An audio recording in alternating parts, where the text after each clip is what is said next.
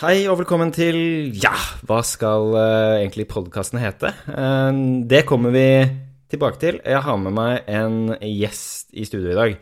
Og det er jo selvfølgelig ingen uh, ringere enn min gode venn Marius Kaptare. Hei, Marius. Hei, Magnus. Ja, hva, hva, tenker du? Dette her er jo litt spesielt. Det her er litt spesielt, for uh, the tables have turned, som det heter. Yes.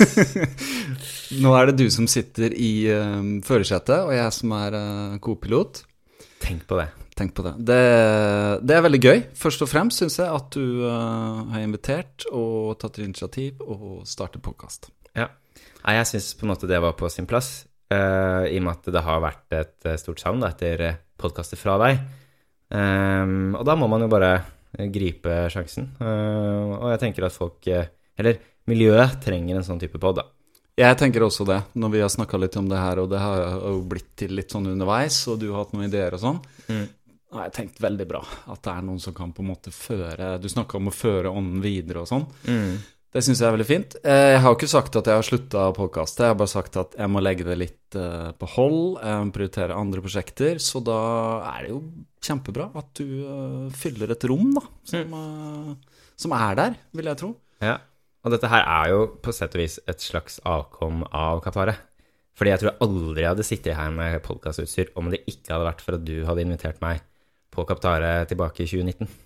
Antagelig ikke, så, men jeg vil ikke tro at du er en slags et, et bastard, som det heter. Nei. Nei det er um, Ikke sant. Jeg også var jo inspirert av podkast når jeg starta. Jeg hadde jo aldri starta podkast hvis jeg ikke hadde hørt utrolig mye podkast. Og da hadde jeg jo hørt på podkast siden jeg starta løpet, så det hadde jo vært en tre år med lytting for min del. da. Mm.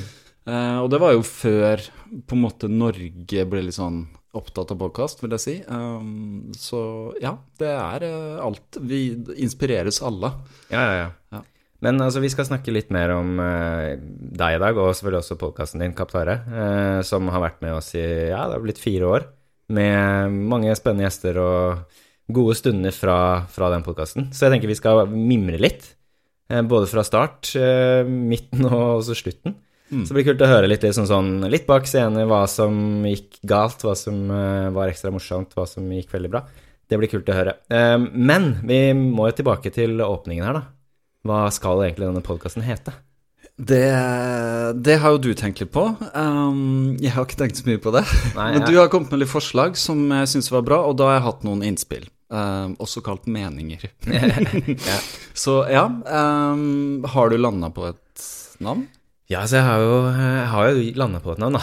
Eh, for det har jo stått mellom uh, flere ting. Det, var, det, begynte med den derre ikke Kaptare-podkast, men det ble litt sånn for, for corny. Um, så vi Jeg pitcha to Satt igjen med to navn, da. Så jeg pitcha det litt rundt. Jeg har sendt til deg, jeg har sendt til Simen, jeg har sendt til Line Kaliskaner. Um, så har jeg fått litt tilbakemeldinger, da. Og, og majoriteten av dere uh, har endt på Eller sagt det samme. For jeg, jeg, tenkte jo at den skulle hete Hjemme hos Torud, i og med at innspillingene er uh, her uh, på Vålerenga, hjemme hos meg. Ja. ja for nå har jeg flytta ut fra Skogsåsen. Nå bor jeg ikke der lenger. Nå bor jeg alene her på Vålerenga. Og det er på en måte Jeg bor i studio, ikke sant. Så tenkte jeg sånn, ja, hjemme hos Torud. Drikke kaffe, spise sjokolade, prate pjatt.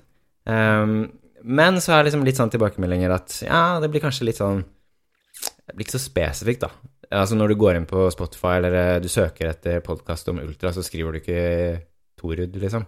Du søker ultra norsk eller ja, et eller annet sånt. Så da tenkte jeg at um,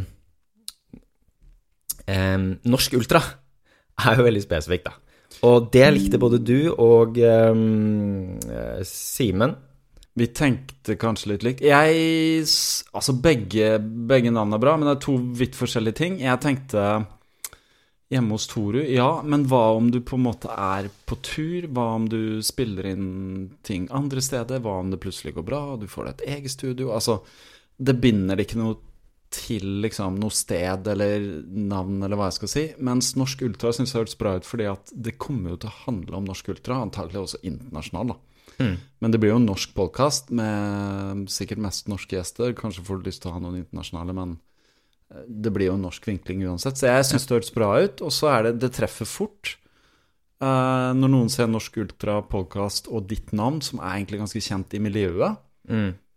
så tenkte jeg det der er strålende. Det er en veldig bra start. Og så er det litt sånn at du tar deg Jeg sa jo det at når du begynte å tøyse litt med liksom 'dette er ikke Kaptare-podkast' og sånt, så tenkte jeg Det sa jeg vel kanskje til deg når vi spilte inn podkasten min siste episode her sist også, at det er sånn viktig at du bare eier det selv, da, selv om du er helt åpen på å la meg inspirere og føre videre ånden. Så hvis du eier det selv og lager det til din egen, så er det mye større sjanse for at det blir noe genuint, da. Ja.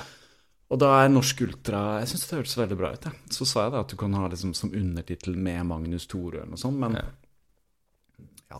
Jeg tenker Norsk Ultra alene blir bra. ja, jeg tenker det. Uh, og igjen, jeg syns egentlig det er litt rart at det ikke er noen, noen podkaster som, som heter det. Som allerede heter Norsk Ultra. Fordi altså, du har jo Sverige, Ultraaktuelt, uh, med Daniel Westergren. Mm. Ja, den har vi jo, den har jo eh, nevnt Kaptare 12-timers, blant annet. Ja, Så- den hørte jeg på da, faktisk. Ja. Det gjorde jeg. Så jeg syns det er egentlig litt rart at det er ingen som har tatt navnet før. Og når ingen har tatt det, så tar jeg det. Mm. Og så blir det podkasten Norsk Ultra. Da har du som sagt hva det handler om, og ja. Uh, og så kan du, da kan du lage ultralange episoder, og Ja, ja. det er så Det er jo det, åpent, da. det er det folk liker når de skal løpe langt. Ja.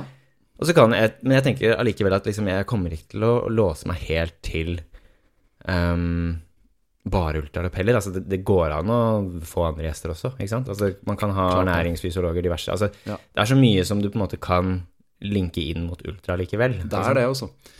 Absolutt. Og det er sånn som jeg tenker at det der begrepet utvider seg også, fordi sånn som Simen, da, som Mm. du har fått med litt på laget, han kan jo så mye, ikke sant. Og det er, du nevner ernæring og andre ting.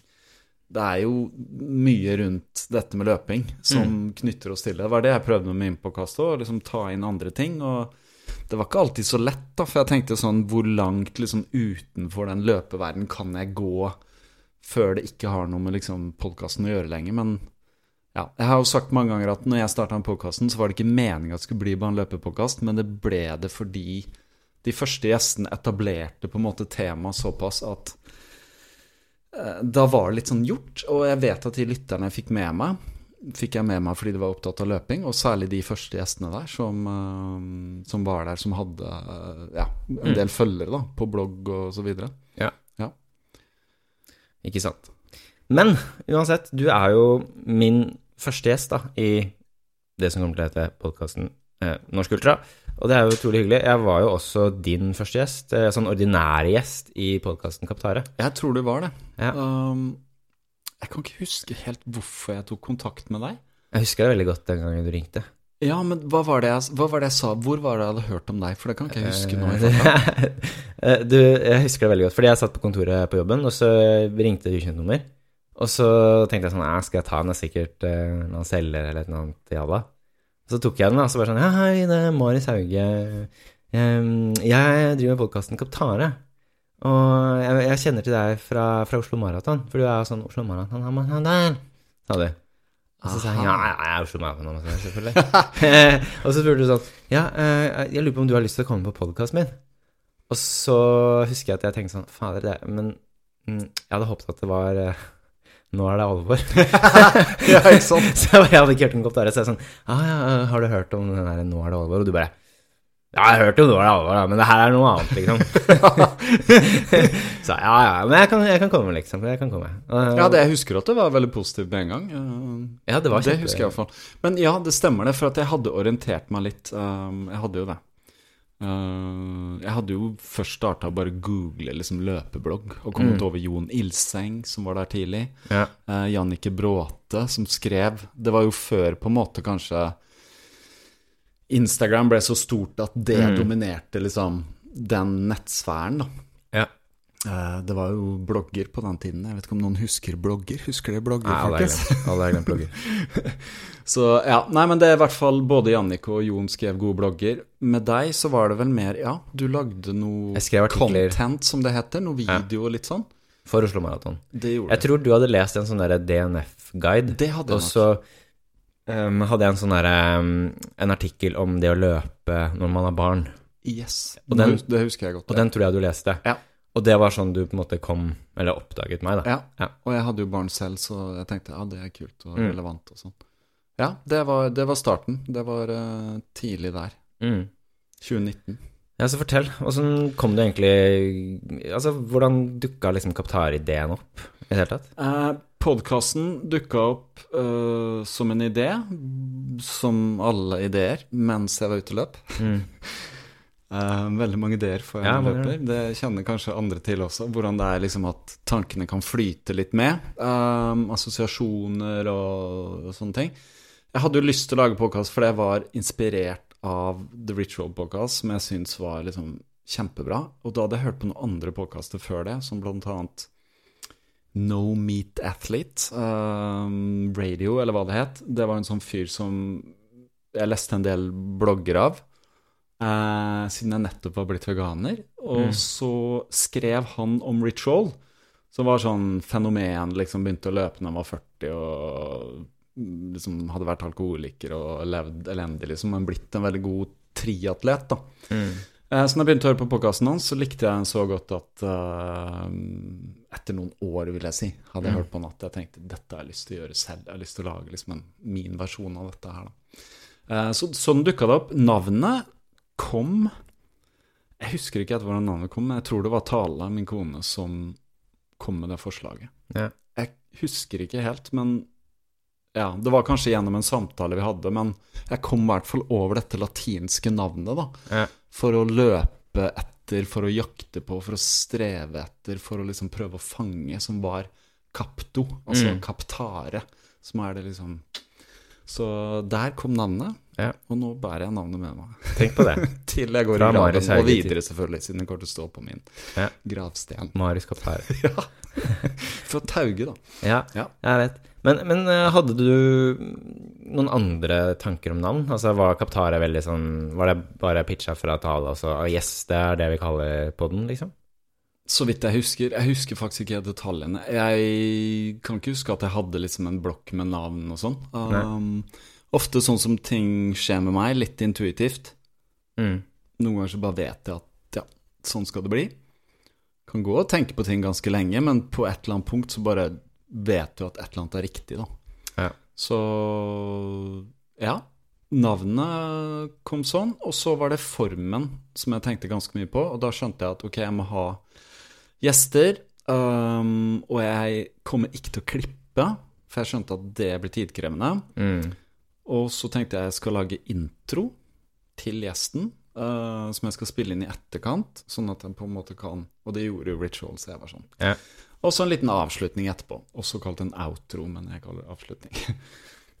og så måtte jeg ha musikk, og da spurte jeg Sondre Lerche, og han hadde noe, faktisk noe liggende som han sendte meg, og da fikk jeg det liksom til å funke. Og så spilte jeg inn. Uh, første jeg gjorde, var jo Faktisk den aller første episoden jeg spilte inn, spilte jeg inn på tur i California sommeren 2018. Ja. Og det var med en annen podkast som jeg hadde hørt mye på, eller en annen kar som heter Sid Garza Hillman. Eh, Mm. De som har hørt mye på Kaptare, vet om han, for at han har vært flere ganger på podkasten. Mm. Jeg kontakta han uh, via mail eller via et eller annet, han har nettside, og spurte om det var mulig å få til et opptak med han siden jeg skulle på tur til California. Jeg skulle kjøre gjennom der han bodde, for vi skulle på roadtrip. Mm. Så det var ganske morsomt. Så han sa ja, og da tenkte jeg at ja, da må jeg bare gjøre det. Altså, Ja, ja. Nå må jeg starte podkast. Men det skjedde altså sommeren 2018, og podkasten kom ikke på lufta før et halvt år seinere. Og da hadde jeg spilt inn med Stig Rasmussen, med Sondre Lerche, med Sindre Holme, tror jeg. Det kan jeg stemme. Eh, så det var liksom venner av meg da, som jeg hadde brukt. Og så begynte jeg med liksom den Mm. dere. Men jeg slapp vel de episodene litt sånn Ja. Du slapp de først. Ja, jeg slapp nok de først. Jeg hadde noen i, i liksom banken. Mm. Ja. Så jeg var vel eh, episode fem, tror jeg. Så du hadde på en måte fire stykker episoder. Ja, men likevel veldig tidlig. Ja. Men jeg husker den episoden med deg og med Jon og med Jannicke som veldig sånn De som var liksom litt sånn nå, nå, For å si det sånn, nå er det alvor, da. Ja, ja. Nå, da, da var det liksom ikke bare å sitte og drodle med noen du kjente og ha det litt sånn morsomt. Da, da skjønte jeg at dette er noe. Så ja. Det, det var starten. Ja, ikke sant. Og ja. da gikk det jo slag i slag, så jeg var jo utrolig på hugget i begynnelsen og lagde en episode ukentlig og sånt, så det var nok det som bygde veldig mye momentum, da. mm. Så klarte jeg ikke å opprettholde det, for det, det krevde jo enormt mye arbeid. da. Men hvor, hvor fort fikk du på en måte følgere og, lyttere og sånn? Gikk det ganske raskt, eller tok det liksom litt tid før du bygget opp en fast sånn lytterskare?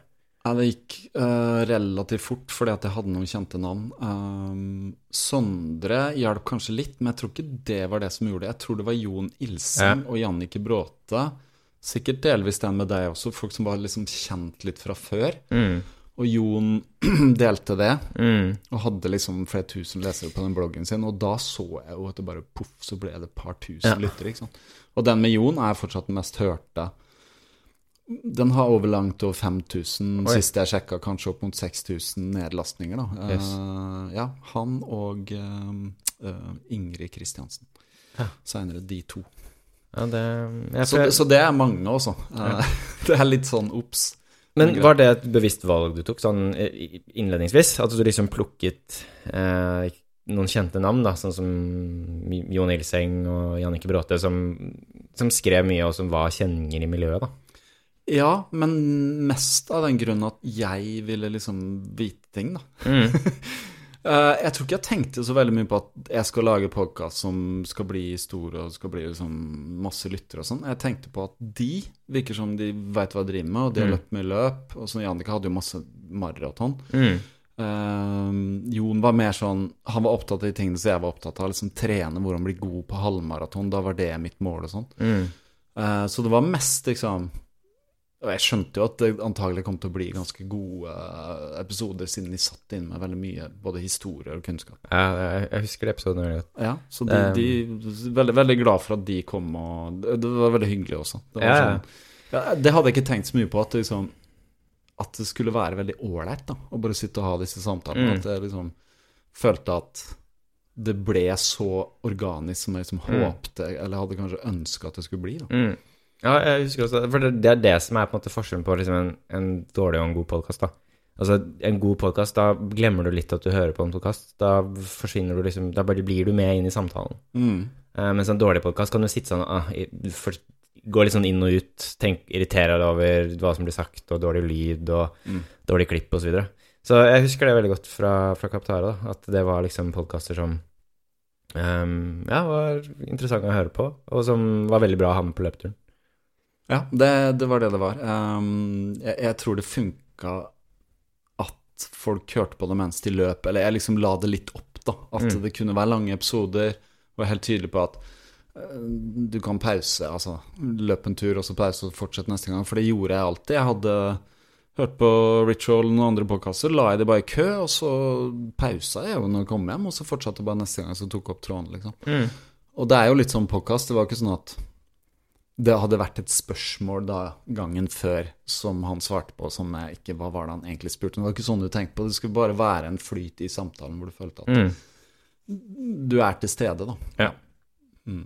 Jeg husker at du, du snakker vel også litt om det i første episode også. Altså den, den gode samtalen, da.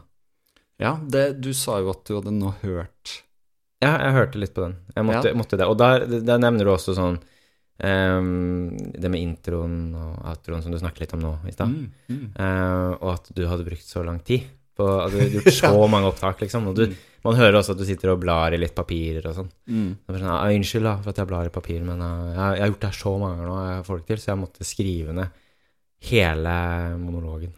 Det var det jeg sleit mest med. Uh, og det må jeg innrømme at det ble aldri noe enklere å sitte og lage de introene. Um, og det var det som gjorde at ofte jeg bare grua meg Mm. til å gi ut podkasten. Mm. Fordi samtalen gikk jo greit, men så skulle jeg lage den introen eh, kanskje den dagen som jeg skulle gi ut podkasten. Og så Mm. prokrastinerte jeg maks, husker jeg. Mm. Uh, satte liksom klippet og gjorde lyden maks, så skulle jeg bare legge til det sporet. ikke sant? Mm. Så satt jeg der foran den mikrofonen, enten i studio eller noen gang hjemme. Og så det var sånn Mm. kjempevanskelig. Og så visste jeg at hvis jeg skrev det, så ville det bli mer som opplesning. Så jeg prøvde å få det til bare sånn. Men jeg følte jo ofte at de ble ikke så bra som jeg ønska det. Men uh, noen ganger gikk det på første forsøk. Ja. Uh, noen ganger ble de veldig lange, altfor lang, og jeg har jo sett i etterkant at den mest populære episoden, eller en av de mest med Ingrid Kristiansen, så har jeg en forferdelig lang intro om surdeigsbaking. Så jeg ikke hadde noen, noen ting med henne å gjøre. Så er det sånn Jeg husker min fetter var sånn Jeg sånn, satt i bilen med han og podkast, og så satte han på den. Mm. Eller fordi at Spotify liksom fremma den, eller sånn, så bare hørte jeg den introen igjen, så var jeg litt sånn Oh my god. Altså, jeg ble litt brydd av meg selv, da, og hvor på en måte Men samtidig så var det sånn Ok, det var liksom kjærlighet til surdeigsbaking, og jeg var interessert i å formidle det, ikke sant. Ja, du var veldig inne i den perioden. Men jeg fikk jo Altså, det var jo tilbakemeldinger. De fleste var veldig positive, men det var jo alltid noen menn da, som var sånn Ja, hadde noen meldinger om at det var enten for mye sånn eller for lite sånn. Og, ja, så det, no, I begynnelsen så var det litt sånn Det var jo sånn kjipt, faktisk, å få noe sånt. Men så tenkte jeg bare det må være greit, liksom, at de sier hva de mener. Eh, var, det, var, det, rart, liksom? ja, det, det, det, var rart. Det var første gang jeg opplevde på en måte sånn som kanskje man kan gjøre, da, eh, med kommentatorfelt og sånn. Det var aldri noe kommentatorfelt, for så vidt, for at ikke var jeg på Facebook, og ja, de få som posta noe på, på, Instagram, var bare positive. Men det kom noen direktemeldinger, da, i, mm. liksom, via Instagram og sånn. Mm. Um, men det er altså noen få, liksom, i yeah. løpet av mange år.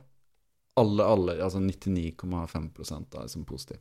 Så, men man husker jo selvfølgelig de tingene som var sånn At, at jeg ble Altså, ingen liker negativ kritikk. Nei, kjipt det der. Ja, altså Du kan godt komme med noe tilbakemelding, men liksom, noen av de var liksom direkte negative. Bare liksom hvor utrolig dårlig det var, og sånn, og jeg ville gjort det sånn. Skjønner du? Og så mm. skjønte jeg det at ok, det etter hvert så ble jeg mer sånn ja, men Lag din egen podkast, da! Ja, ikke sant? så hvis ikke de er fornøyd, så trenger jeg ikke høre på. Men uh, det, det, var bare noen episoder, og jeg skjønner jo det. altså. I perioder så var jeg kanskje ikke så veldig flink. Det er nok bedre til å bare la folk snakke ut og lytte istedenfor å avbryte hele tiden. Men det var nok eh, fordi jeg var ganske entusiastisk. Um, mm. Og det ble mer som en sånn ja, ivrig samtale noen ja. ganger. Ja. Er det, er det, noen spesielle episoder Vi, vi nevnte den der med Jon Ilseng og Jannicke Brått og sånn. Er, er, det noen episoder som du, du, husker veldig godt? Jeg husker uh, Jeg husker veldig godt den uh, episoden med Simen i Stavanger. Mm. Husker jeg veldig godt. Um, og så husker jeg veldig godt mange som var innom når jeg lånte Tales studio borte på Grünerløkka. Som var hennes liksom lille atelier, da, men som egna seg ganske godt uh, til å spille inn, så hadde jeg hengt opp en sånn uh, gardin i taket. Så det var liksom ganske sånn lukka lyd. Der var det ganske mange De Kråkesølv, er det det heter? De gutta mm. der. Og det var liksom Tim Bennett. Det var liksom en del sånne folk som hadde mye historier og hadde mye å fortelle. Mm. Um, hun Stine Hartmann som jobba da for Oslo Maraton. Ja, jeg husker jo ganske mange, men eh, akkurat den med Simen var veldig spesiell, fordi han hadde man hørt om og sånn, og hadde, han hadde fått litt sånn Han, han liksom hadde fått litt sånn status allerede, ikke sant? Og mm. Mye pga. historien hans og sånn. Så jeg husker når jeg, jeg, skulle til Stavanger på en jobb, eh, så husker jeg kontakta han og fikk den avtalen at vi fikk liksom satt oss ned, og jeg spilte inn da hadde jeg vel tatt med alt utstyret, mikker og alt. Eh, så satt vi på et hotellrom, og det er jo noe han uh, har spilt inn til det, vet jeg. Så ja. ja. Og siden, kan jo, siden du nevner det nå, da, mm. ja, så har vi jo eh, Simen, han kommer til å være Eller ha et fast innslag her eh, på podkasten Norsk Ultra. Eh, og Simen vet jo, som du sier, han kan jo veldig mye, da. Eh, og han ja, han er jo opptatt av alt innen ultra eh, og ja, birøkting og mye rart. Mm. Så vi skal ha en spalte her som kommer til å hete Simens corner. Og det er morsomt at du nevner disse tingene her, fordi Simen eh, han har sendt inn en liten melding, så jeg tenker egentlig vi bare kan høre på den. Mm. Ja, dette er Simen Holvik. Eh, kult at, eh, at, du har denne podkasten, eh, Magnus. Veldig bra jobba. Jeg tror dette her kan bli bra. Du er jo en god kar. Og så er det jo klart litt eh, dumt at eh, Marius eh, ja, tar en pause, da, eller ikke fortsetter. Jeg husker jo første gangen jeg møtte Marius så var det på et uh, hotellrom i ja, høyt oppe i toppetasjen på Radisson i Stavanger. Og jeg hadde jo tatt med meg en bærepose med øl. Og ikke vanlig butikkøl, men uh, forholdsvis sterke, da. Eh, og vi begynte jo ganske tidlig å knekke de, da. Så jeg husker at vi avslutta med en eh, fatlagra stout på ja, ikke veldig sterk, jeg tror den var 11% Og så ja, det ble en god stemning, veldig god stemning, og det ble seint og holdt på lenge, og det ble jo de dype samtalene og de store, skal vi si, store fortellingene. Så det Det var nok det første møtet jeg hadde med, med Marius, og det han eh, er og var god på, og er videre. Det er jo dette her med det store ja, de store fortellingene. Dette handler jo egentlig ikke om løping, dette handler jo om eh, livet, og det handler om eh, ja, hva, hva meningen er med alt, hvorfor vi holder på. Og det handler jo om ja, alt det spennende som skjer oppi hodet når du løper langt og lenge. Det, det er det som er livet. Og der syns jeg han er flink til å trekke store linjer og, og til å holde en god samtale. Så det er noen eh, egenskaper der som han har, som, eh, ja, som er ganske unike med, med en type mellommenneskelig og medmenneskelig, og ikke minst en innsikt i, eh, ja, i de store tingene. Så dumt at du ikke fortsetter, Marius, men jeg regner med at du har kule prosjekter på gang. Vi får snakkes. Ha det. Ja, Han nevner jo det, da, Marius, det, den episoden eh, som du også så, som du husker godt. Eh, Ja. Den fra Stavanger. Eh, dere drakk øl, forsto jeg. Vi drakk øl, som han nevner, da, så hadde han med seg Det var nok da han var litt mer avslappa på ting, og drakk litt øl underveis, og det tror jeg sikkert har vært fint for Simen, å bare starte opp sånn, ikke ta så veldig alvorlig ganske lenge. Mm. Men så har han jo, bare for å si det sånn, sett at ok, eh, han har fått til noen utrolige ting. Så han skjønte at ok, jeg må tweake på de små tinga jeg kan for å bli så god som jeg kan, og det har han gjort, og det er flott. Men den gang så hadde han med seg, som han nevner, eh, noen sånne øl da, fra de Lervig, er det det heter? Jeg tror det. Um, jeg vet ikke, det er vel lov å snakke om det.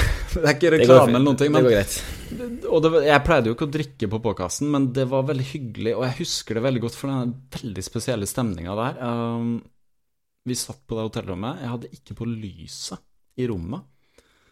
Så vi satt jo, og så var det ganske høyt oppå, så så det var mye dagslys, men det var kanskje på våren og sånn, så falt lyset ut, og det ble veldig sånn dunkelt, da. Mm. Men så ble det også veldig sånn Jeg vet ikke, det ble en veldig god stemning. Det har nok litt med Ja, det har mye med Simen å gjøre, men det har litt med hvordan jeg liker at ting er. Mm.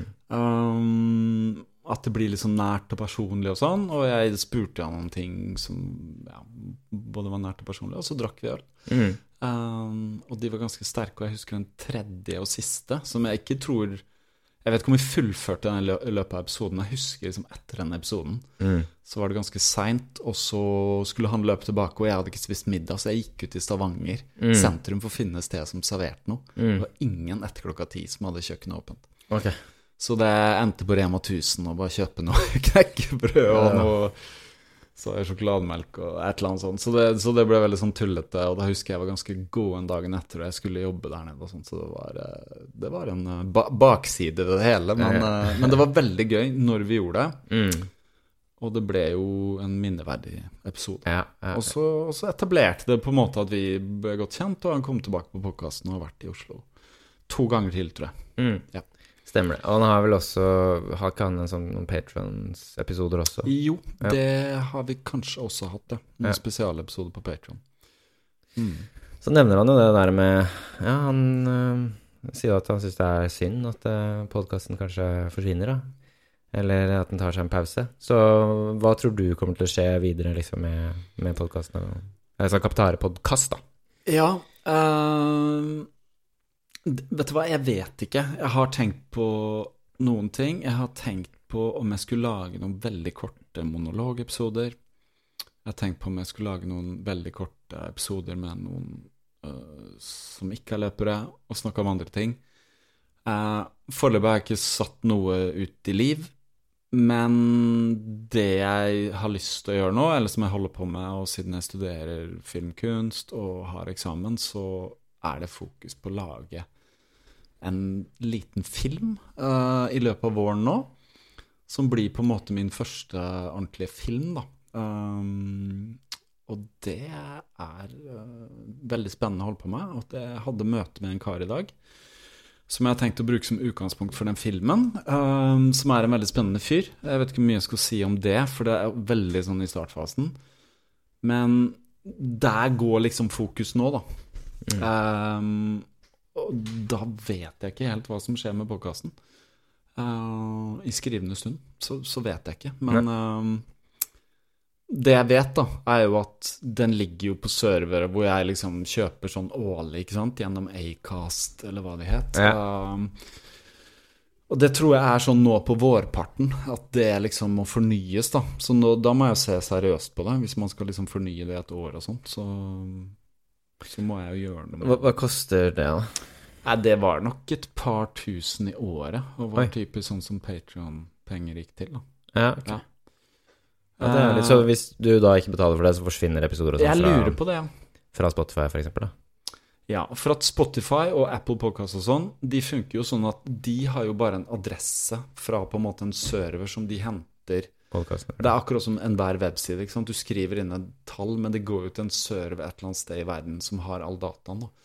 Og sånn er det nok også med podkasten. Den ligger hos de et eller annet sted. Um, jeg har jo alle episodene. Altså, jeg har jo de som MP3-er, liksom. Um, går de dørene utenfor? Ja, det er, vi er jo Hvis dere hører at det er sånn lyder at det går i, i dørene her, så er det bare naboen. Ja. Men det er sånn er det når det er hjemme hos Torud. Ja. Så, så blir det litt lyd. Men ehm, ja, fortsett. Ja ehm, Hvor var jeg? Jo, eh, de, de ligger der. Jeg har alle episodene eh, hos meg som MP3-er. Og alle klippene. Jeg tror ikke jeg har sletta noe som helst. Det er utrolig mye data liggende på disker rundt om. Mm. Alle råopptak, alt har jeg, ikke sant. Alle mulige introer som har feila og sånn. Ja, det ligger kanskje på noen Ja, du har- du minnekort, da, men Du har sava det? Altså, jeg, har, jeg tror ikke jeg har sava alle introer som feila, men uh, en del av de. Ja. overførte, overført, dumpa liksom mye fra Jeg hadde jo sånn Zoom-opptaker. Du har et litt annet system, men jeg hadde jo en sånn Zoom-opptaker, som er en slags sånn fysisk recorder. Mm. Med et minnekort, liksom. Så eh, jeg var veldig redd for slette ting. Så jeg dumpa alltid liksom de minnekorta, da. Så jeg har jo masse harddisker med masse greier. Men Hvor mye er det snakk om her? Sånn gigabyte Ja. med flere gigabyte med Ja. ja, mye. Mye, altså. Uh, alt tok jeg opp ukomprimert lydfiler. Det var hundrevis av megabyte per Mm. fil, liksom. Så ja, det er mye data, og det er mye tid, da. Ja. Hvis jeg har lagd 81 episoder, og de snitter jo sikkert på 90 minutter, Mm. så er jo det Ja, hva er det da? 120 timer, liksom, med opptak. Det er noen ultraløp. Lytt, lytt i ja, fire-fem døgn i strekk, da. Med bare Kaptare. Kanskje ta en sånn Kaptare Ultra, da? Ja, ja. Bare Man må tvinges til å løpe så lenge man hører på alle episodene. Nei da, men uh, Men tenk deg andre, da. Sånn som jeg sjekka nå Nå har jeg ikke hørt på podkast på en stund, for jeg har ikke løpt så mye. Men uh, der har jeg nyheter, uh, forresten. Men jeg så Rich Rollin har lagd 808 episoder. Ok. Tenk deg det. da. Ja, det helt Han nå kjører jo to timer og sånn. Ekstremt. Men Hvor mange vilt, episoder er det han gir ut igjen i uka, eller? Ja, én til to i uka. Han har holdt på i tolv år eller noe sånt. ikke sant? Så det er jo spinnvilt. da. Jeg kjenner at det er, det, er, det er noen ting som du nevner her nå, som jeg også må sette meg litt inn i. da. Sånn Mm. eh, i forhold til liksom, ja, det med Acast, det er hvor podden skal ligge igjen. Ja, Men jeg, jeg, Det er sikkert mange som tilbyr i dag. Ja. Uh, ja. Men jeg tror Acast også, det er det jeg har sjekka Ja. ut, og det er, det er der jeg kommer til å legge ting. Og så går det ut på Spotify og sånn også. Ja. ja, så lenge det er et eller annet stabilt som funker, og Acast um, er vel det det heter nå, men det het noe annet før. Der jeg opprinnelig hadde det, de ble kjøpt av Acast. Okay. Så jeg hadde det hos noen andre før, og så ble de slukt av Acast, som jo er sånn stor, ganske stor sånn nå. Um, men sjekk litt med pris og sånn, men, men det er jo viktig med stabilitet og liksom at det er uh, Ja. Mm. Det er en sånn, sånn teknisk greie, da. Men ellers så ser det ut som du har et veldig bra oppsett her som funker liksom veldig enkelt, da. Ja. Jeg gjorde jo litt mer sånn old school, liksom. Mm. At jeg klippet alt i etterkant og sånn. Men som sagt, jeg Det som gjorde at jeg kunne lage podkast i det hele tatt, var at jeg bestemte meg for å ikke klippe i samtalene. Mm. Fordi hvis du tenker sånn eh, Aftenposten forklart og alle sånne podkaster Mm. så har de jo fullt fokus, ikke sant? Mm. Og selvfølgelig hvis det går noe gærent der og sånn, så bare sier jeg ja, da klipper vi det vekk og sånn. Mm.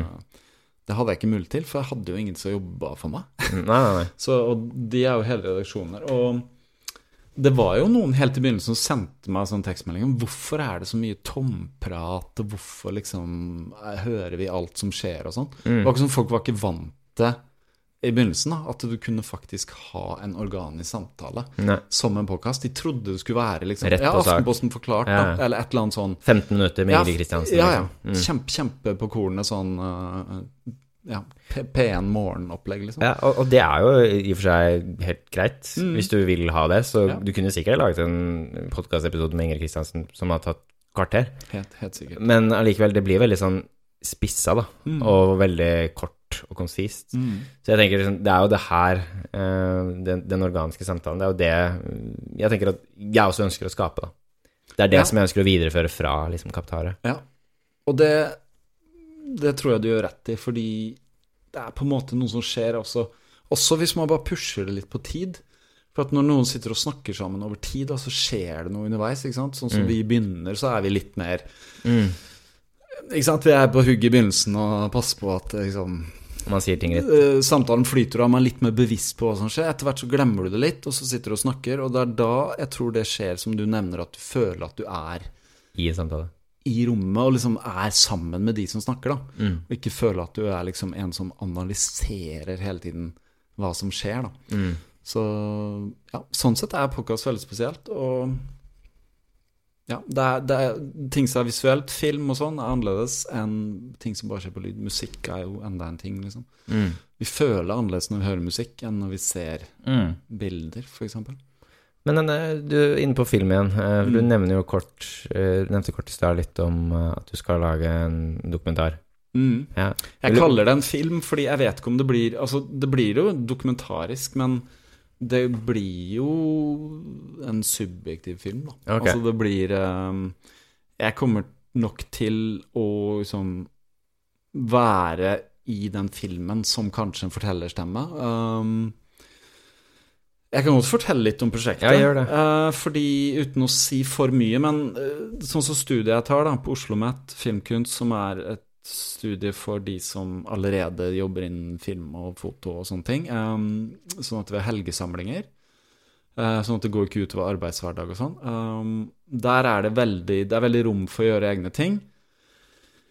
Eh, det, er litt, det er ingen teknikk, men det er jo litt veiledning og sånn. Men det er veldig mye tilbakemelding på hverandres prosjekter. Så vi har sett eh, Alle har lagd filmprosjekter underveis, korte ting, og så har vi sett det kommer med tilbakemelding. Så det er veldig sånn Det har nok utvikla seg litt. Eh, jeg har nok utvikla meg litt allerede, det tror jeg de andre har gjort også.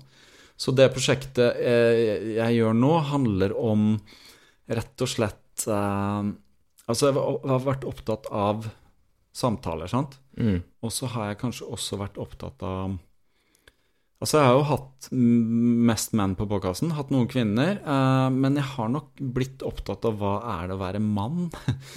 Eh, hva er maskulinitet? Eh, hvorfor har menn andre samtaler enn kvinner? Eh, er menn gode til å snakke om alt, eller holder vi oss til visse temaer? Kan vi vise følelser og sånn? Så han, eh, forfatteren som jeg skal intervjue nå, er opptatt av temaet og skrevet en bok om det. Han har intervjua menn uh, om kjærlighet, faktisk. Mm. Uh, og når man sier kjærlighet, så tenker jo kanskje Da kan man tenke på så mangt. Uh, kan Ja. jeg spørre deg, hva, Hvis jeg sier kjærlighet til deg, hva tenker du på da? Hva er kjærlighet? Hva kjærlighet er? Ja, det Ikke sant? Og nå kjenner jeg liksom at det knyter seg litt, da. Fordi det er liksom sånn um, Jeg har jo veldig lyst til å si noen ting, men så er det akkurat sånn jeg ikke kan si det med en gang. Så da blir det sånn der Jeg merker at jeg får en lyst til å, å spøke litt med en gang. Si sånn Jeg er litt på pinne, liksom. Ja. Avvæpne litt, ikke sant? Ja. Og, det, og det tror jeg Det som skjer da, den reaksjonen der, Mm. det er nok litt sånn typisk menn, fordi at vi ser på kjærlighet som en ting som er sånn Oi, må vi vise følelser da? Må vi være myke? Må vi liksom Mm. Men hvis du sier ja, kjærlighet til dine barn, ja, ja, ja, liksom, da vil jo alle kjenne seg igjen, ikke sant? Kjærlighet til en kvinne, ja, ja, absolutt, liksom. Det, så henger vi på noen knagger, så er det greit, da. Men grunnen til at jeg vil gå inn på det temaet er at jeg ser at uh, det er uh, Altså, i samfunnet i dag, eller i hvert fall i den- kanskje det norske samfunnet, da, og nærhet liksom, til mine egne relasjoner, så ser jeg at det er en del menn som sliter. Eh, og det er helt tydelig også med den boka han lagde, fordi Altså, det kommer ut fra et mørke, da. Fordi um, i Norge er det veldig mange menn som tar sitt eget liv. Ja. Um, selvmord er Jeg vil ikke si vanlig, men det er liksom like mange som tar selvmord som dør i trafikken, eller kanskje flere. Er det det? Det visste jeg ikke. Ja, det er, det er ganske mange, og det er mye mørketall òg, men det er snakk om kanskje 500-600 uh, Eh, i løpet av et år som tar sitt eget liv. Um, og så spør man seg hvorfor er det så mange menn som gjør det. Og det tror jeg er knytta ganske mye til skam. Mm. Um, når menn feiler eller føler at de ikke får til noe, så er det ganske knytta til skam, og at liksom Man må gjemme seg vekk, man tør ikke å fortelle det, kanskje. Uh, flere menn enn kvinner blir jo forlatt. Altså Det er oftest kvinner som går i et forhold, ehm, selv om menn også går, selvfølgelig. Mm. Um, det er en del ting der da som er interessant å både snakke om og på en måte ja, se på, for å si det sånn, når jeg tenker film. Akkurat hvordan jeg skal gjøre det, vet jeg ikke, men jeg har hans historie som utgangspunkt, og så har jeg noen personlige ting. Eh, og det kan jeg bare si med en gang, men før jul Jeg har ikke sagt det til deg, faktisk, selv om jeg var Jeg har liksom ikke hatt tid til å komme inn på det, men ja. i desember så fikk jeg en eh, ja, vet du hva, det var dagen etter jeg hadde vært her. For jeg var her, og så var jeg på filmkunst, og så hadde vi en eh, sånn juleavslutning hjemme Mm. hos hun ene. Og dagen etter så ringer søsteren min, og så forteller hun meg at vår fetter, som er bare halvannet år yngre enn meg, han har tatt sitt eget liv. Nei. Ja, og det var et sjokk eh, som var helt sånn Ikke sant, det var kjempetøft, da. Ja. Eh, Jeg var helt satt ut, fordi jeg visste at han sleit, men allikevel så var det sånn Jeg trodde aldri at han kom til å liksom gjøre dette her, da. Ja. Um, så, så det var Det prega meg i ukevis, egentlig. Uh, og, og også fordi at han hadde skrevet veldig mye, da. Uh, jeg fikk vite i begravelsen hans at han hadde hatt et forsøk i 2019, og så hadde vært innlagt på psykiatrisk, og så hadde en del av terapien vært å skrive, da. Mm. Han var ganske flink å skrive, han var skolelærer og var veldig dyktig, så han skrev et helt manuskript da, som var på en måte en roman, hvor han bytta ut liksom alle navn og sånn steder og sånn, Mm. fiktivt, men det handla veldig om han selv, da. Og det er en ganske mørk historie, og den gangen han sendte til meg, for tre år siden eller sånt, så klarte jeg ikke å lese hele. Jeg begynte på det, men det var såpass tungt at jeg lot det ligge. Mm. Eh, selv om på det punktet så har jeg litt sånn dårlig samvittighet for at jeg ikke leste alt, for jeg følte at jeg burde lese for å komme med tilbakemelding, men jeg bare klarte det ikke. Uh, men nå i desember så tvang jeg meg litt til å lese det. Mm. Til tider så er det veldig godt skrevet, og du- leser det litt som en roman. Til tider er det bare veldig tøft, for at ja, dette er jo familie av meg og sånn, og det var jo hans far og min onkel og sånne ting. Så det var det var rett og slett skikkelig tøft, da. Samtidig så forsto jeg han veldig godt. Mm. Um, og han var egentlig ganske åpen med sine nærmeste, men han klarte ikke å være åpen med noen andre. Og han hadde et ytre som var, var veldig sånn Han var alltid morsom og fant Mm. på gøye ting og var den som underholdt og var liksom veldig sånn Kom fram i begravelsen, og så var det liksom kollegaer og venner som fortalte historier om liksom hvor fin han var. da Han Ja. spilte liksom musikk og ikke sant. Men allikevel så gjorde han det.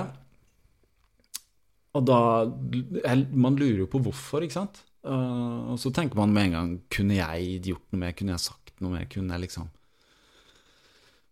For at jeg har ikke hatt så mye kontakt med han siden jeg flytta som 14-åring til Bergen, for han bodde på Østlandet. Men i voksen alder så har vi hatt litt sånn sporadisk. Men jeg fikk en intuisjon under pandemien, og så ringte jeg han bare. Ja.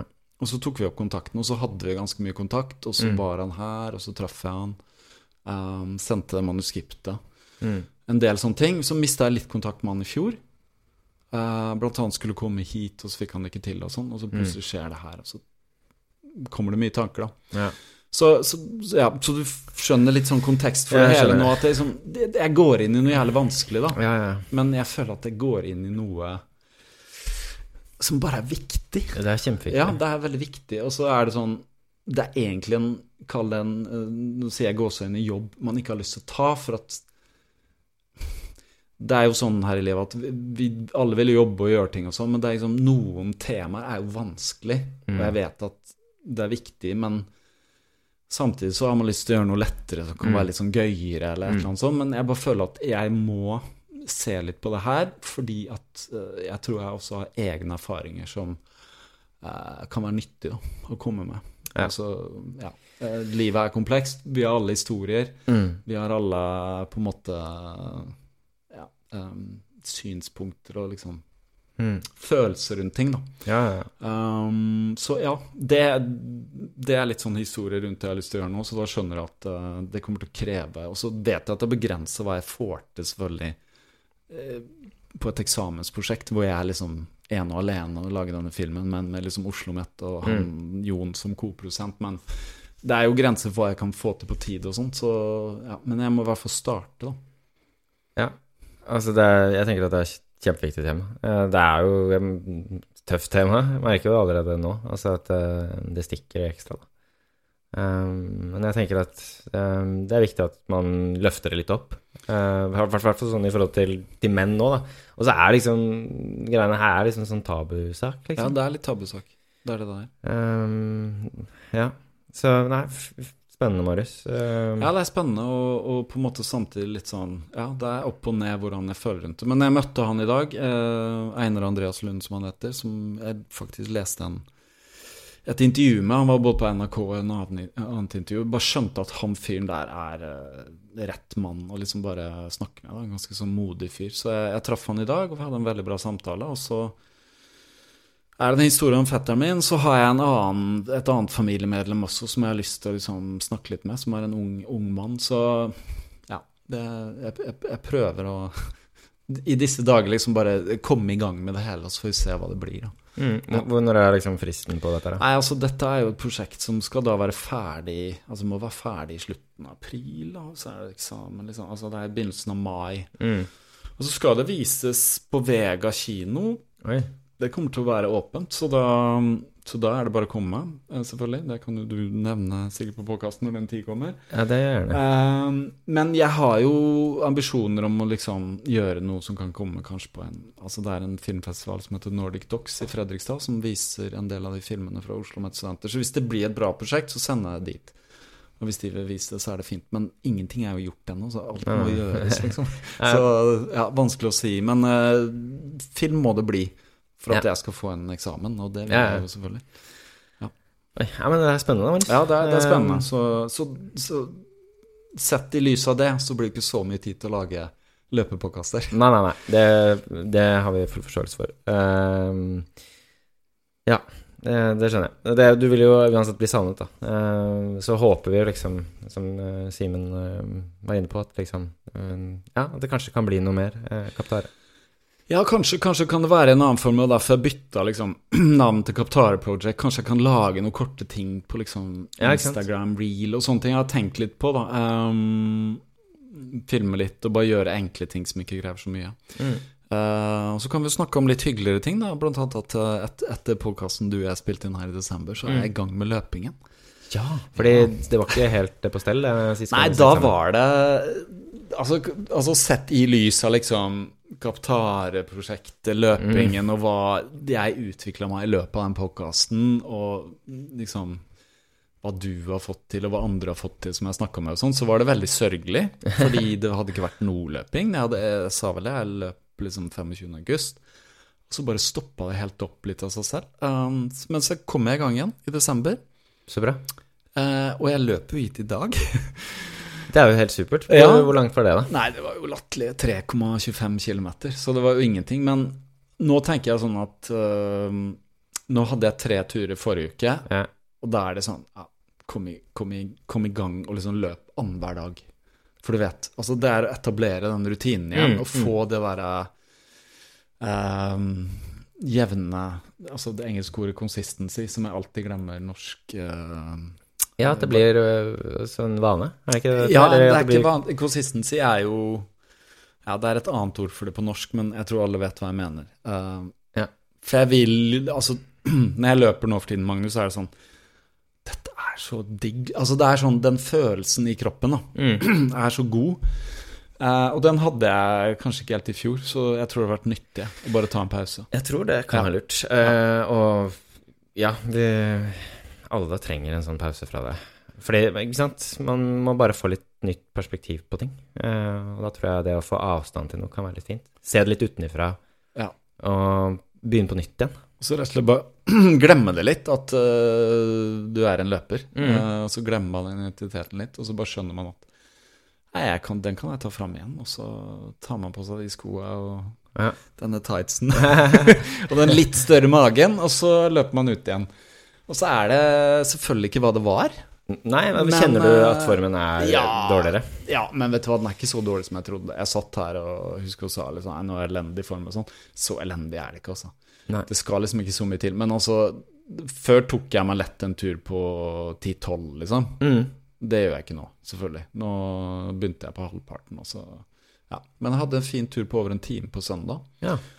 Eh, og det var veldig bra. Da var det tung snø og sånn. Så Isabella, en venninne av altså min datter, var og aka i Tøyenparken Nord-Nardia, så jeg løp bare runder da, og titta inn på de liksom innimellom. Hun er jo 11 nå, så ganske stor, men Så det, det, er sånn, det er sånn gøy å bare kjenne på det. Um, Og så var du i Gran Canaria. Løp du ikke ja, jeg, tok meg en liten training camp, uh, solotur til Gran Canaria. Um, 1. 1. januar Ja. reiste jeg ned faktisk tidlig om morgenen med fly. Ble i ti dager. Jeg har familie som har et hus, eller en leilighet der, da. Mm. Um, eller det er ganske det Jeg kan kalle det et hus på et vis, fordi det er god plass og sånn. Um, og da måtte jeg løpe, så jeg løp den dagen jeg ankom. Uh, kjente litt på det. Og så ble det ikke enormt med løping, men jeg hadde blant annet en skikkelig langtur. Mm. Uh, som ble litt sånn sjokk for kroppen. For det Min nevø og en kompis var der, og så skulle de kjøre ned på en sånn strand. De hadde sånn scooter, og dit var det liksom, så jeg sånn, det var sånn seks kilometer. da. Mm. Uh, så skulle jeg sitte og jobbe litt først. Så jeg, jeg, jeg løper ned, og så tar jeg et bad, liksom. Ja. Og så hadde jeg sett bare på en sånn rute jeg kunne løpe, da. Mm. Så tok jeg på meg skoa og løp, skulle begynne å løpe ned der, da. Mm. Så løper du ned på en sånn vei, og så kommer du liksom Så går det en sånn annen vei som ikke er liksom hovedveien langs med kysten der, da, først, men så kom jeg til et sted hvor jeg var liksom tvunget til å løpe opp på noe som så ut som en litt sånn norsk B-motorvei, hvis du skjønner. Mm. Hvor, det ikke, hvor det virker som Her er det jo ikke noe, liksom uh, Fortau, ingenting, da. Nei. Så jeg surra litt. Jeg prøvde å finne en annen rute og liksom eh, klokka som kart og sånn. Ja. Jeg fant ikke, og så fikk jeg den derre hetesjokket, ikke sant. Det var et par og tyve grader og sånn uh, under høy sol, så jeg ble liksom sånn Jeg kjente jeg ble sånn slått ut, da. Ja. Sånn som man blir ja, varmen når man løper. kanskje på en maraton i et varmt eller et ultraløp. Ja. Altså sånn, jeg følte at jeg liksom var inni et skikkelig sånn Ja, sånn som den gangen vi løp Romerikesåsen på langs, den gangen det var Ja. så varmt. Ja. Ja. Uh, så jeg fikk liksom ganske tidlig den der Jeg skjønte at dette blir jo ikke seks kilometer, det er mye lenger. Når jeg prøvde å finne rundt og sånn, Men jeg måtte opp på den der hele veien. da Mm. Eh, En liten stund. Det gikk greit, også, men det føltes som jeg løp gjennom tunnel og sånn. Mm. For Simen som løp Norge på langs, var sikkert dette ingenting. Men jeg følte meg liksom ikke helt bekvem, da. Var det mye trafikk, eller? Nei, ikke mye også, men det er sånn bilene kommer i ganske høy fart, og du er liksom føler deg ganske tett på veien, da. Så Men greit, jeg kom ned der og var sånn skikkelig kokt, men fikk meg bad og sånn. Og var sånn fy faen, jeg tror ikke jeg orker å løpe hjem igjen. Altså. Det her var helt sinnssykt, liksom. Men jeg fikk meg et bad, fikk noe å drikke og sånn. Mm. Så bestemte jeg meg for å løpe tilbake, så snakka jeg med de, og de har jo bodd der, ikke sant, så de var godt kjent. Ja, du kan løpe over fjellet og sånn. Mm. Slipper du den veien. Så bestemte jeg meg for å gjøre det på vei tilbake, og det var dritkult, liksom. Da kom jeg Da fikk jeg en sånn forløsning, da. Ja. Kom jeg liksom oppover fjellet og løp helt rundt en sånn dal og kom liksom. Helt annen, men, men det ble så Det ble liksom 16 km, den Oi. turen. Og det var sånn Det er en stund siden jeg har løpt så langt, så Jeg kjente ikke samme kveld, men dagen etter når jeg våkna, så kjente jeg meg nesten sånn Du vet når du nesten har liksom etter et løp, du har Ja. sånn inflammasjon i kroppen, og du bare føler at det er helt liksom sluttkjørt, sant? Ja, men det, det er rart, liksom, Ja, ja, hvordan så alt liksom bare at man, Når man er så vant til det, og Ja. man løper maraton og lenger, så er man liksom sånn Ok, 16 km. Det, det er en kort eh, langtur, liksom, som jeg tar på hver, Mm. løper hver søndag, liksom. Men så hvis man har hatt en pause, da, så kjenner man fort eh, at sånt bare tar veldig på muskulatur, da. Absolutt, og det var liksom skikkelig varme. eh, Jeg kom jo fra skikkelig norsk vinter. Det var liksom ganske mye høydemeter, for jeg løper oppover og sånn.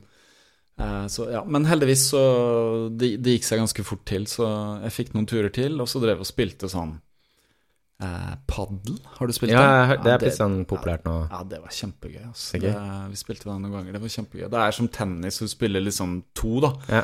Eh, men det er inni en sånn Tenk deg litt som squash, liksom. At du har Mm. en vegg bak. Og så er det lov at liksom ballen går i den glassveggen bak. Mm. Men da må du liksom slå den tilbake Når han har truffet den veggen, så må du slå han tilbake før han går i bakken igjen. Så det er litt som tennis, men det er lettere å holde ballen i, I spill. i spill. Ja. Uh, og første gang jeg spilte, så var jeg ganske dårlig, men jeg kom litt inn i det etter hvert. Så det, det var skikkelig gøy, da. Og det var Blir sånn halvannen eh, time med ja. Blir man sliten av det? Uh, Er det et substitutt for løping, tror du? Nei, ikke sånn sett, men bevegelse, da. Ganske konstant, og litt sånn mer sånn rykk- og napp-bevegelser. Sånn at jeg fikk jo blant annet armen, det var en sånn armmuskler Jeg ble jo helt ødelagt, ikke sant. Da slår jeg ikke vant til å drive og slå sånn som det der. Eh, men det, det var skikkelig gøy, absolutt. Um, og så hadde vi mye gåturer. Og, Ja. ja. Um, og så var jeg faktisk Det som var morsomt med Gran, Gran Canaria-turen, var jo at um, Jeg sov jo ikke så mye den natten. Altså, vi, vi var ikke på noen fest eller noe sånt, var hjemme med ungene, men de ville jo være våkne til midnatt. da Mm. De er liksom, blir 11 og 15 nå, da, så greit.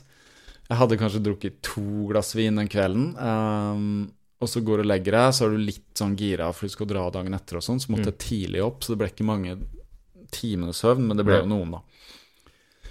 Kom jeg i god tid opp på Gardermoen, hadde bra med tid og fikk liksom sjekka inn bagasjen og sånn. Så står jeg ved gaten, begynner å komme en del folk, og så ser jeg bare noen som kommer der, så var det sånn Er det noe kjent med han? Er det Sondre, liksom? Og så var det Sondre Lerche, da. Bare, var det. han kommer der, liksom, i gaten sammen med kjæresten, Oi. og ser litt sånn groggy ut, og de orienterer seg litt og går, og så roper jeg ikke eller noen ting, jeg bare står liksom og ser på han, og så snur han seg, og så ser han meg, da. Ja. Så blir jo han like overraska, liksom, og kommer bort og er sånn Jøss, liksom. Jeg bare Ja, ja, det Hei, Det er liksom. sprøtt. Er. Så var han sånn Ja, nei, vi bare Jeg har booka for lenge siden, bare en uke ferie, liksom. Las Palmas på Gran Canaria. Bare trenger Han har spilt der Moulin Rouge, vet du. Ban Mm. Banka ut forestillinger liksom seks i uka eller noe sånt, ikke sant. Så så han trengte skikkelig en pause, men de kom da rett fra fest. De hadde bestemt seg for ikke sove den natten. Så de hadde vært bare festa hele natten, og så De, de hadde vært på fest, og så hadde de dratt hjem og henta bagasjen. Og så hadde vi satt seg i den loungen, mm, og så hadde de sovna liksom en halvtime eller noe sånt. Så de var sånn Helt jørska. De var ganske jørska. Ja. Så jeg snakka ikke mer med de på fly. Jeg snakka med dem på flyplassen, så avtalte vi at hvis jeg skulle inn til Las Palmas, skulle jeg gi en lyd. Mm. Så da bestemte jeg meg for Jeg hørte med han om, um, om de hadde noen planer en dag jeg hadde tenkt å ta en tur inn. Og så møttes vi og hadde en middag. Eller vi tok en drink først, og så spiste vi middag, og så gikk vi på en bar og ja, drakk litt. Og det ble ikke sånn veldig seint, for de skulle på De hadde leid bil dagen etter, men det var skikkelig hyggelig. Kult. Så det var, det var jævlig gøy, liksom. Bare Ja, Ja, ja, så da hadde jeg en, en sånn. Og fra der jeg var til Los Palmas, så var det vel en times tid, kanskje, med bussen. Ja. Eh, litt mer. Ja. Palma Palmas er sånn. Men det er en fin by, da. Men, men eh, er det lenge siden du har sett Sondre? Om det var lenge siden før det? Eh, jeg var på den forestillingen hans ikke så lenge før det, så da hadde jeg truffet han backstage etterpå. Ja. Men utenom det så er det ikke så ofte jeg får sett han, for han har vært sinnssykt busy med det der. Eller jeg tror det har krevd ganske mye energi, da. Det der, ja. Er Først jo- i prøvene og sånn, mm. og så spiller han liksom nesten daglig, da. Så jeg tror ikke han har gjort så veldig mye utenom det nå. Nei, han er jo en busy bee. Han er en busy bee, og så er han jo ute Hun, eh, kjæresten, eh, driver en bar. Så han er jo der innimellom og spiller plater, og så han er jo sånn Han lever nattliv, og det gjør jo ikke jeg, ikke sant. Nei, nei, nei det, Ja. Dere er natt og dag. Vi er litt natt og dag. Jeg er ikke så mye natt. Så selv om han eh, i perioder så er han jo superdisiplinert, og han jobber jo masse, han skriver musikk. Han skal jo faktisk ha sånn disiplinert, ja. Altså, han har jo løpt maraton på under tre timer, da. Han har det. Eh, det tror jeg han er et stykke unna nå, men eh, Han løper litt, men ikke noe sånn Jeg tror ikke han trener til noe nå, liksom. Nei. Nei. Nei, han sa det. Jeg snakka litt med han faktisk eh, for en tid tilbake. I forbindelse med ja, den podkasten her, da, om han Mm. også kunne lage vignett og, og sånn. Mm. Eh, og da nevnte han jo det du sa innledningsvis, at han, han hadde jo noe sånt materiale liggende som du fikk bruke i din pod. Ja. Mm. Det var ganske easy going. Altså. Ja. Nei, eh, også, men han er jo kjempeopptatt med, med de greiene. Men, men, Marius, vi må nesten tilbake igjen til eh, litt om eh, Altså, Sondre var jo også en gjest eh, på poden din, så han er absolutt Mm. relevant. Men vi, vi, vi snakka jo eh, litt om ting som du husker fra Kaptare. Du nevnte det der med Simen. Uh, Mm. Simen snakka også litt om uh, den turen dere Eller den episoden dere lagde i Stavanger. Men er, er det noen andre ting som du vil trekke fram som uh, gode minner, eller ja, stress, eller liksom hva som helst fra, fra Kaptare som du husker ekstra godt? Ja, det er jo rart, da, for det er ikke sånn, går jo ikke rundt og husker liksom har dette i minnebanken sånn hele tiden. Um,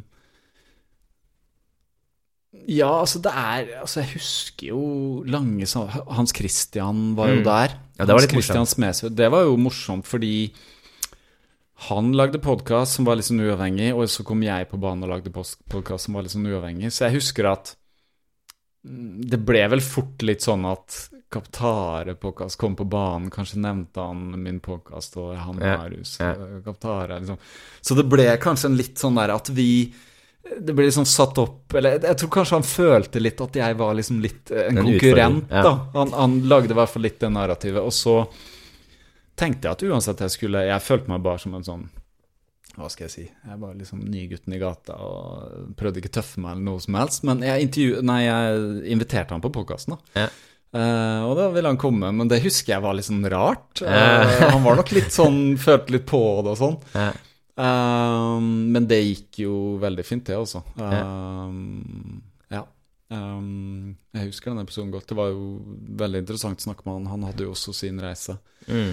Uh, og da var det jo Og så snakka jeg jo med han eh, godeste uh, Nå står det helt stille for meg.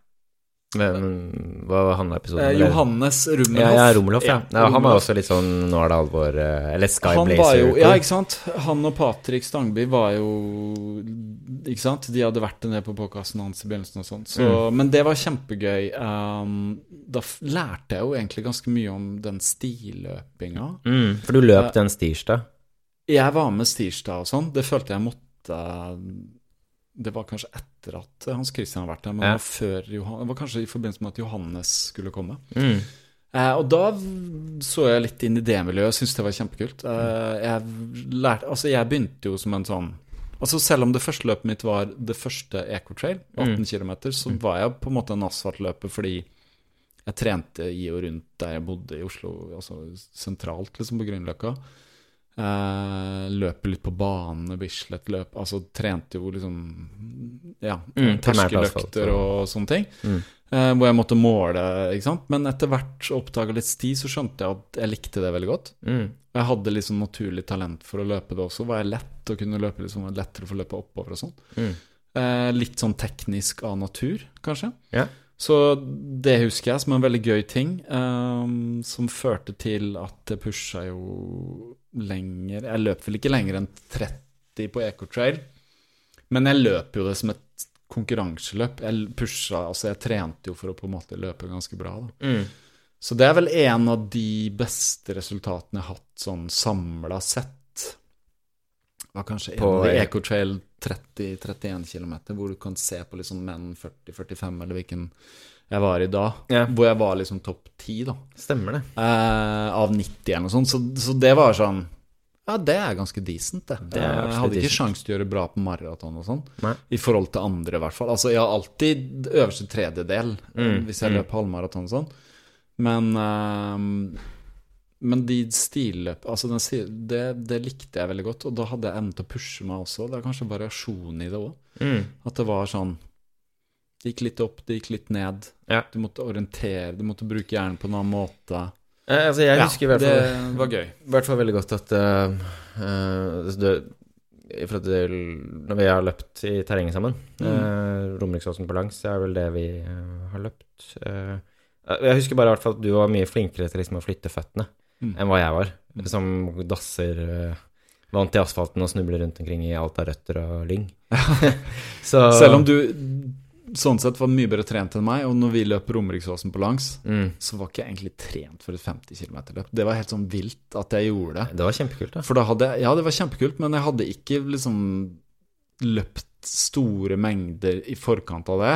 Du hadde én tremil Nei, du, du hadde løpt én sånn Jeg tror du har løpt Ja. 23 km den sesongen, ja. Ja. Så det, det var sånn jeg tenkte at ja, dette klarer jeg, for dette har jeg på en måte gjort før. da sånn, Altså, Jeg vet jeg kan klare distansen, mens det ble jo dødstøft på slutten. Liksom. Det var jo Det var sånn Kanskje ikke nødvendigvis fordi jeg var så jævlig sliten, men fordi jeg hadde så vondt i liksom muskulaturen. da Eller var sånn de klassiske Og jeg hadde en sånn også på en ecotrail en gang. Mm. Første gang jeg løp 30, hvor det bare liksom siste ti inne i siste fem var bare sånn Det var så vidt jeg liksom klarte å løfte foten. Jeg hadde så vondt i noe muskulatur sånn øverst i låret at det var bare sånn Ja.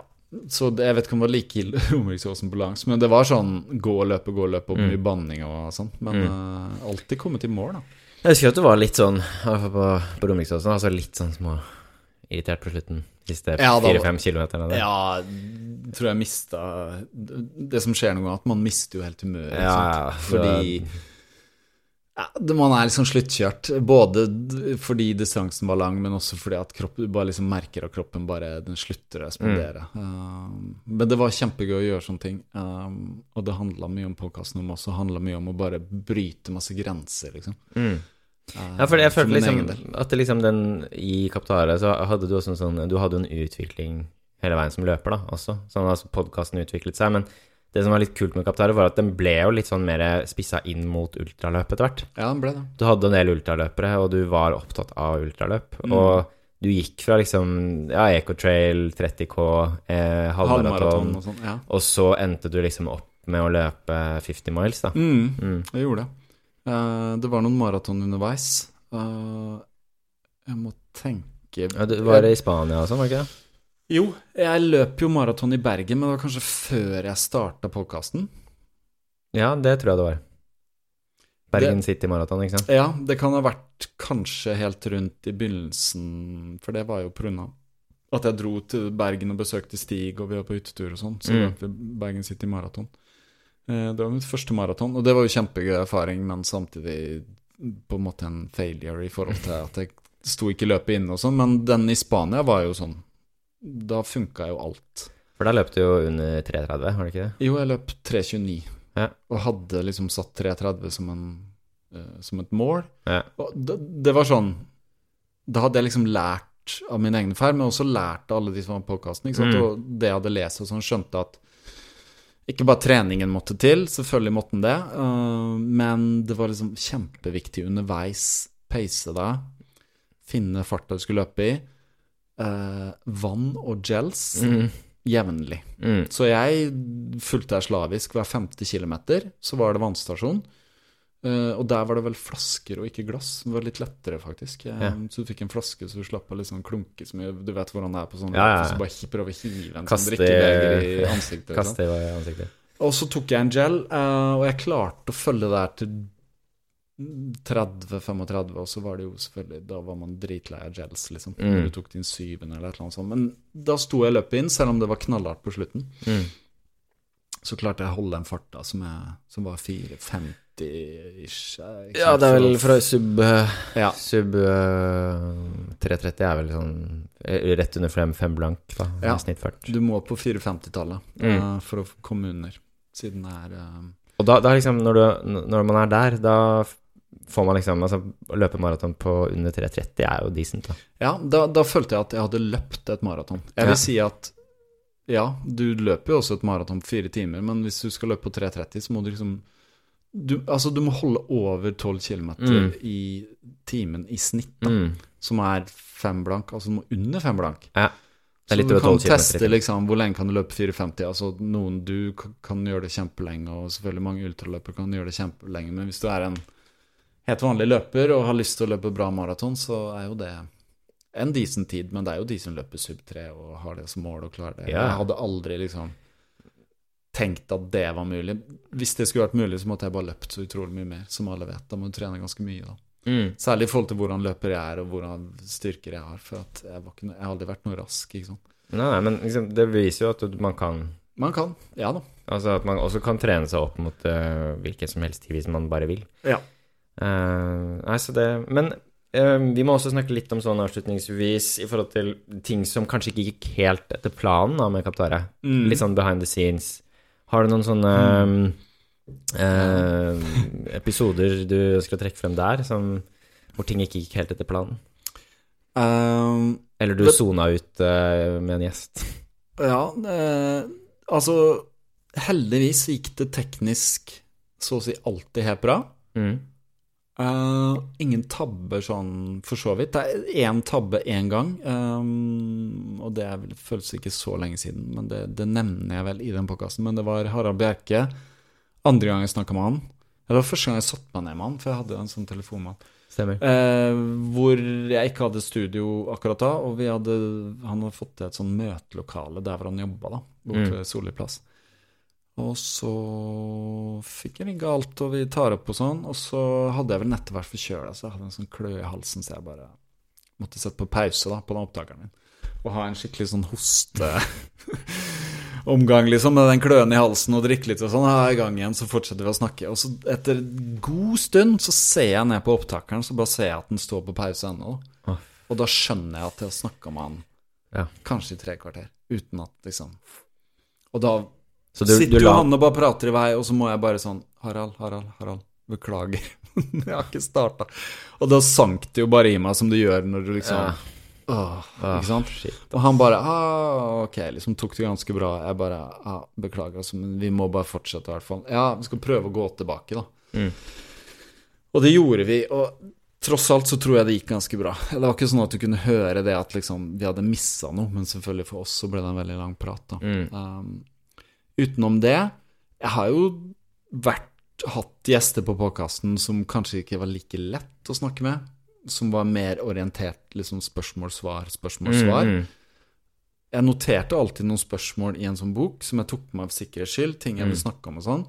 Temaer, da. Mer sånn spørsmål, så skrev jeg stikkord og sånn. Og det var noen ganger jeg følte at liksom det, her, det her går liksom Det går ikke liksom helt framover, da. Uh, så jeg vet ikke helt hva jeg skal gjøre. Nei, nei, nei.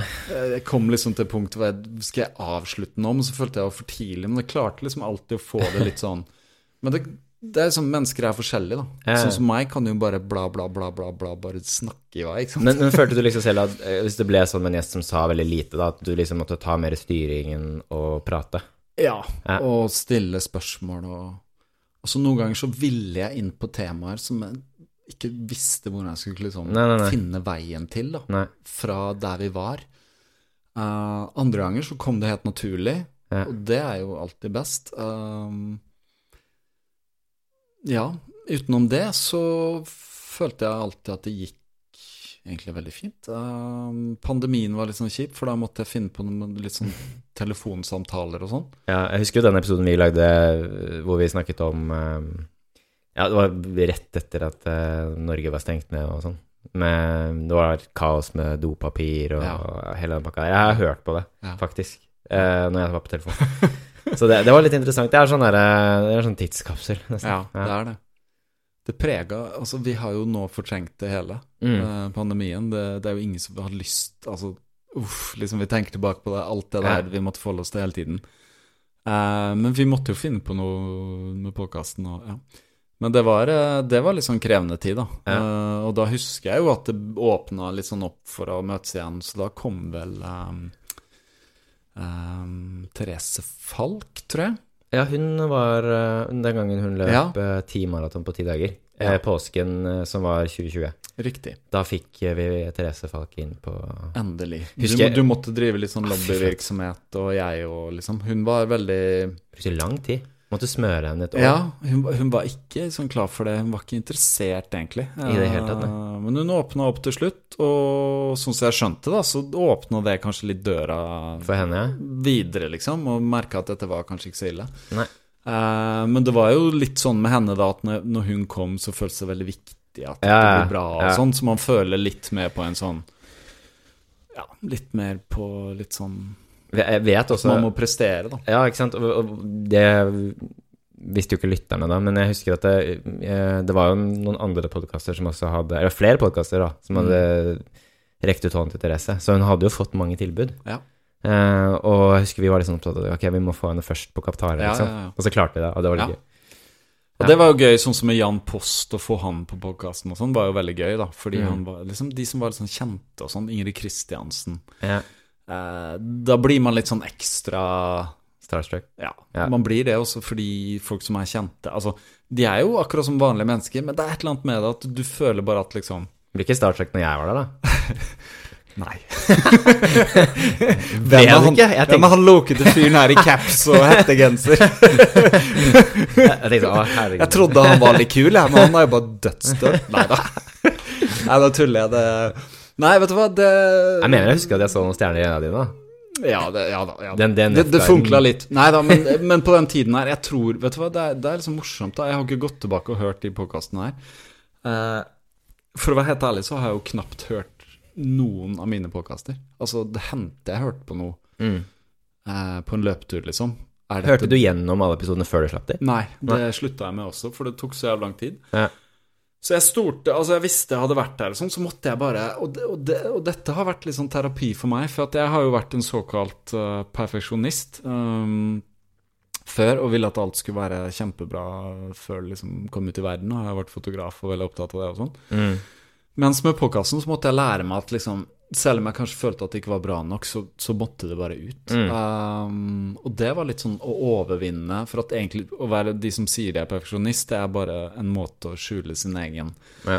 frykt på for å feile og Ja. for å ikke være bra nok. Um, så Så det er viktig at ting er bra også, men det er viktig også at man ikke liksom tenker at alt må være perfekt og sånn. Og så måtte jeg bare akseptere også at det er det det er. Mm. De som liker det, får bare like det, og de som ikke liker det, de hører vel ikke på likevel. Så det var, det var liksom Jeg måtte bare senke liksom hvor viktig det var Mm. med den podkasten. Ja.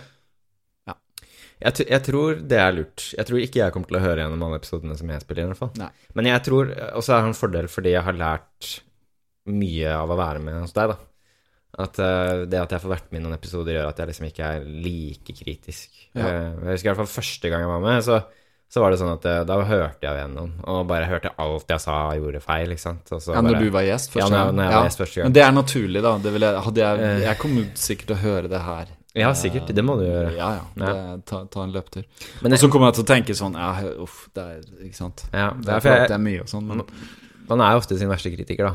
Og Ja. jeg husker jeg hørte den der, og følte at jeg bare snakka tøys og tøll. Og så hørte jeg på Jon og uh, Jannicke og alle disse andre da, som bare liksom De snakka så mye spennende, ikke sant, mens jeg bare ble Men du hadde jo en veldig spennende historie som var litt sånn autentisk, syns jeg, da. Mm. For at Ikke sant? Du Mm. hadde jo en sånn kom fra eh, ikke liksom idrettsbakgrunn, da.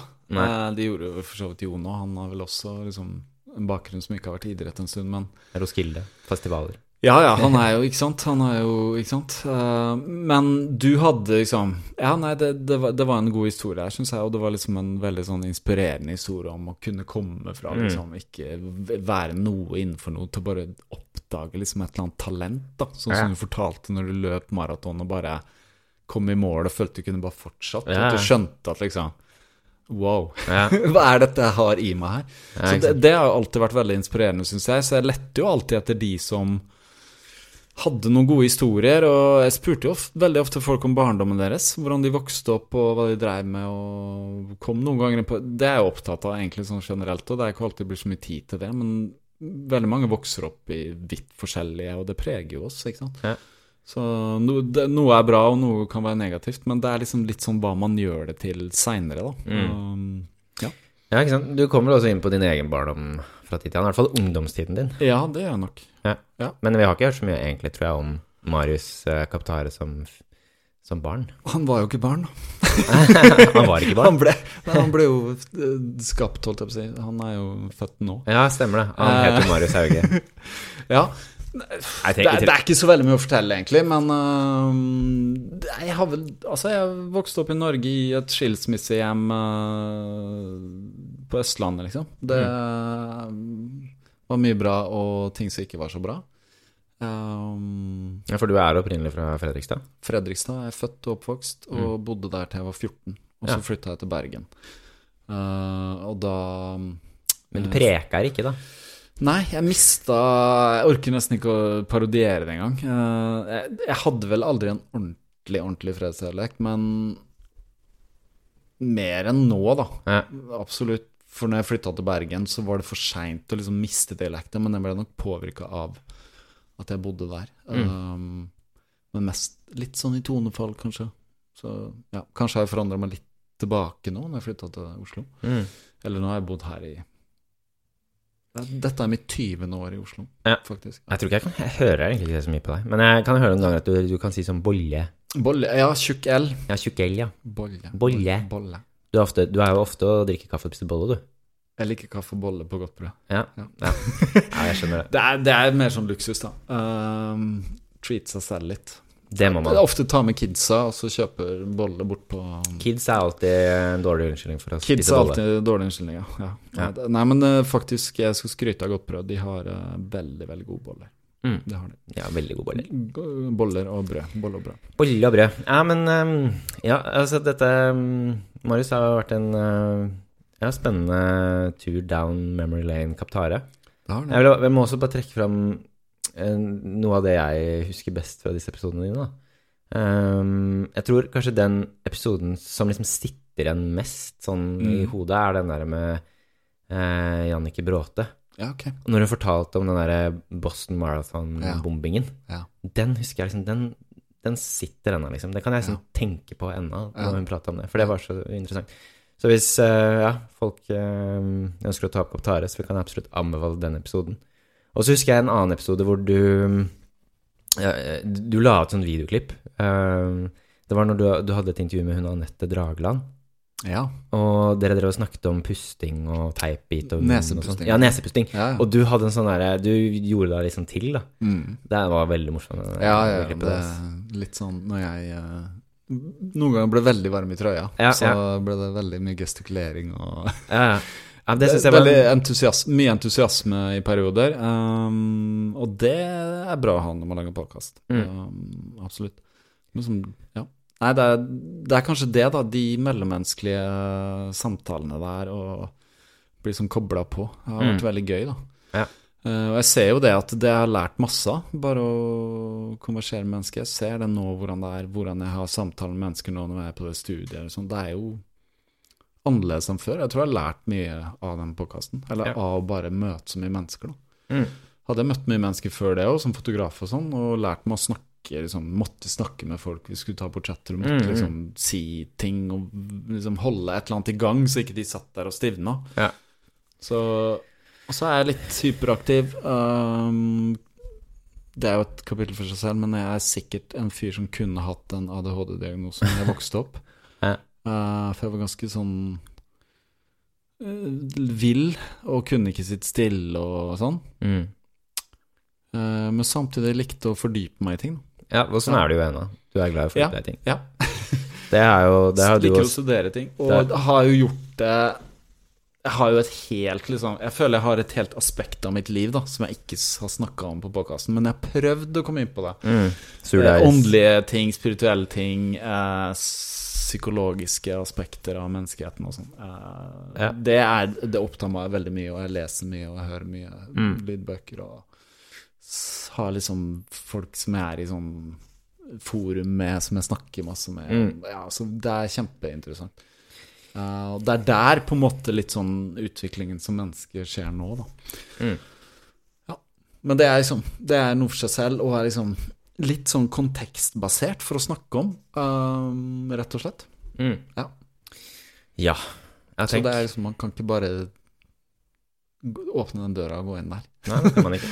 Da, da blir det sånn Ja, det blir Nei, ikke sant. Det, kan- det kan man ikke. Men, men um, uansett um, Det har vært fire veldig fine år da med Kaptare. Det har det. Og det blir, uh, det blir et savn. Ja. Um, men nå er Norsk Ultra her og klare for å ta litt av den ånden videre, da. Jeg håper jo at mange av de som har hørt på podkasten min, kan høre Altså, det var jo Selv om det ikke var uh, like mange som når den var liksom ny og hadde veldig jevnlig og sånn, så var det Altså, hver episode hadde liksom 1000 nedlastninger, da. Det er bra. Så det er Altså. jo folk som uh, Ja, det er liksom til sammen Jeg tror Sist jeg sjekka med 80 episoder 160 000. Altså at det var 2000 i snitt, da. Det var Oi. 160 000 nedlastninger, liksom. Totalt? Ja. Oi. Men det er sånn hvordan de måler det. De, men de måler liksom en start, da. Eller sånn Jeg tror Apple Podcast har ganske sånn avansert målegreier. Du kan se liksom hvor lenge folk hører på og sånn. For Ja, ikke ja. alle har ikke hørt fra start til slutt. Nei, nei, nei. Men liksom hvis du laster inn den på podkast-appen din og starter og sånn, Mm. så teller det som en eh, ja, én, da. Jeg skjønner. Så ganske mange. Um, Det vil jeg si er veldig bra. ja, det er ja, det, er, det er litt sånn utrolig egentlig å tenke på. Hvor Ja. mange som har drevet og hørt på det her opp igjennom. Og jeg aner jo ikke. Uh, Og noen ganger prega det meg. Ja. Når jeg satt og snakka på de introene, så tenkte jeg sånn hva kan jeg si? Hva kan jeg si av personlige ting? Hva kan jeg liksom mm. Så det ble jo litt sånn slitsomt noen ganger, at jeg måtte liksom være bevisst på det, da. At så mange hørte på, på liksom hva jeg skulle si. Mm. Og så bestemte jeg meg heller for bare heller si for lite enn for mye, liksom. Sånn så ikke det skulle bli ja, For kjedelig. personlig. Ja, eller for liksom snevert, eller hva Ja, jeg skal si. for snevert, ja. Så. Ja, men uh, takk, Marius. Takk selv, eh, Magnus. Eh, morsomt å sitte på den siden. Jeg føler det hadde gått veldig fort, og det sa jo veldig mange til meg også, husker jeg. At eh, oi, liksom, oi, har vi snakka i to timer, liksom? Oi. Det var ofte det jeg fikk som tilbakemelding, og det er jo sånn jeg føler nå. Så det er jo veldig sånn Ja. Åssen er det å sitte på andre siden? Er det den første podkasten du er med i som gjest? Ja, det tror jeg. Ja. Ja, Så bra. Yes, jeg var den første som fikk Marius Kaptein Ja, som ja, ja, gjest. eh, gøy. Jeg tror ikke at det er sånn at jeg kommer til å bli nedringt på andre podkaster, men eh, hvem vet også. Um, jeg kom- kommer gjerne på flere podkaster, men jeg vet ikke om jeg har Altså sånn om løping, så føler jeg vel at jeg ikke har Altså det er ikke noe jeg kan si som ikke liksom Nei, nei. noen andre Altså, skjønner du? Men, men Um, du er jo Du er jo spennende som menneske, ikke sant? Ja, kanskje. Jeg syns, jeg syns, det. Simen sier jo Ja. han òg i Ja. det innslaget. Eh, Du Ja. har liksom en sånn unik evne, da, eh, til å liksom å føre den gode dialogen.